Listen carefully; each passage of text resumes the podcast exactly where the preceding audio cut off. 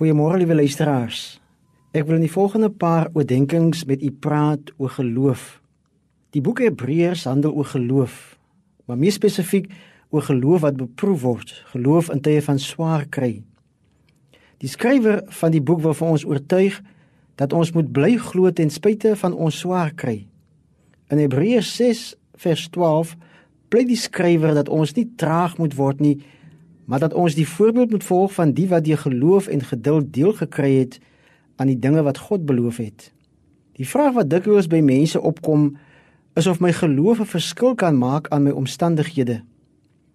Sê nou maar net ek het een of ander krisis in my lewe, sal die feit dat ek in God glo 'n verskil maak aan daardie krisis. Is my lot nie maar tog dieselfde soos iemand wat glad nie in God glo nie? Sal ek nie maar sonder geloof op 'n praktiese manier my krisis kan oplos nie? Die heel eerste ding wat 'n mens van geloof kan sê, is dat geloof en die beoefening van 'n geloof dit is wat die mens van alle ander vorms van lewe onderskei. Die mens is geskape ook as 'n spirituele wese, as beelddraer van God. So word ons die skepsel van God en daar is iets van God in ons. Hierdie God-mens verhouding genereer geloof by die mens. Daar is dus 'n verhouding tussen God en mens. Ons is dus gebore met 'n geestelike komponent.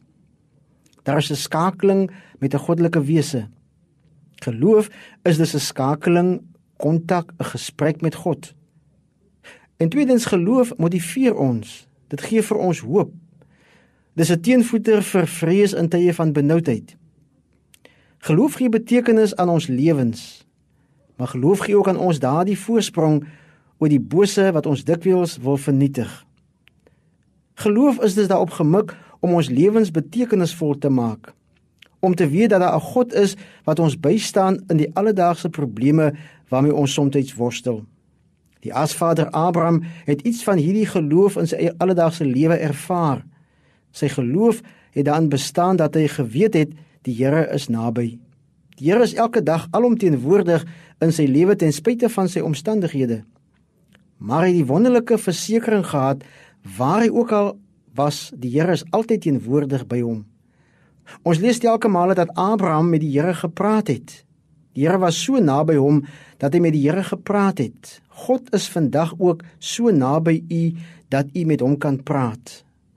As die Here met Abraham praat, dan praat hy met hom oor die alledaagse gewone sake.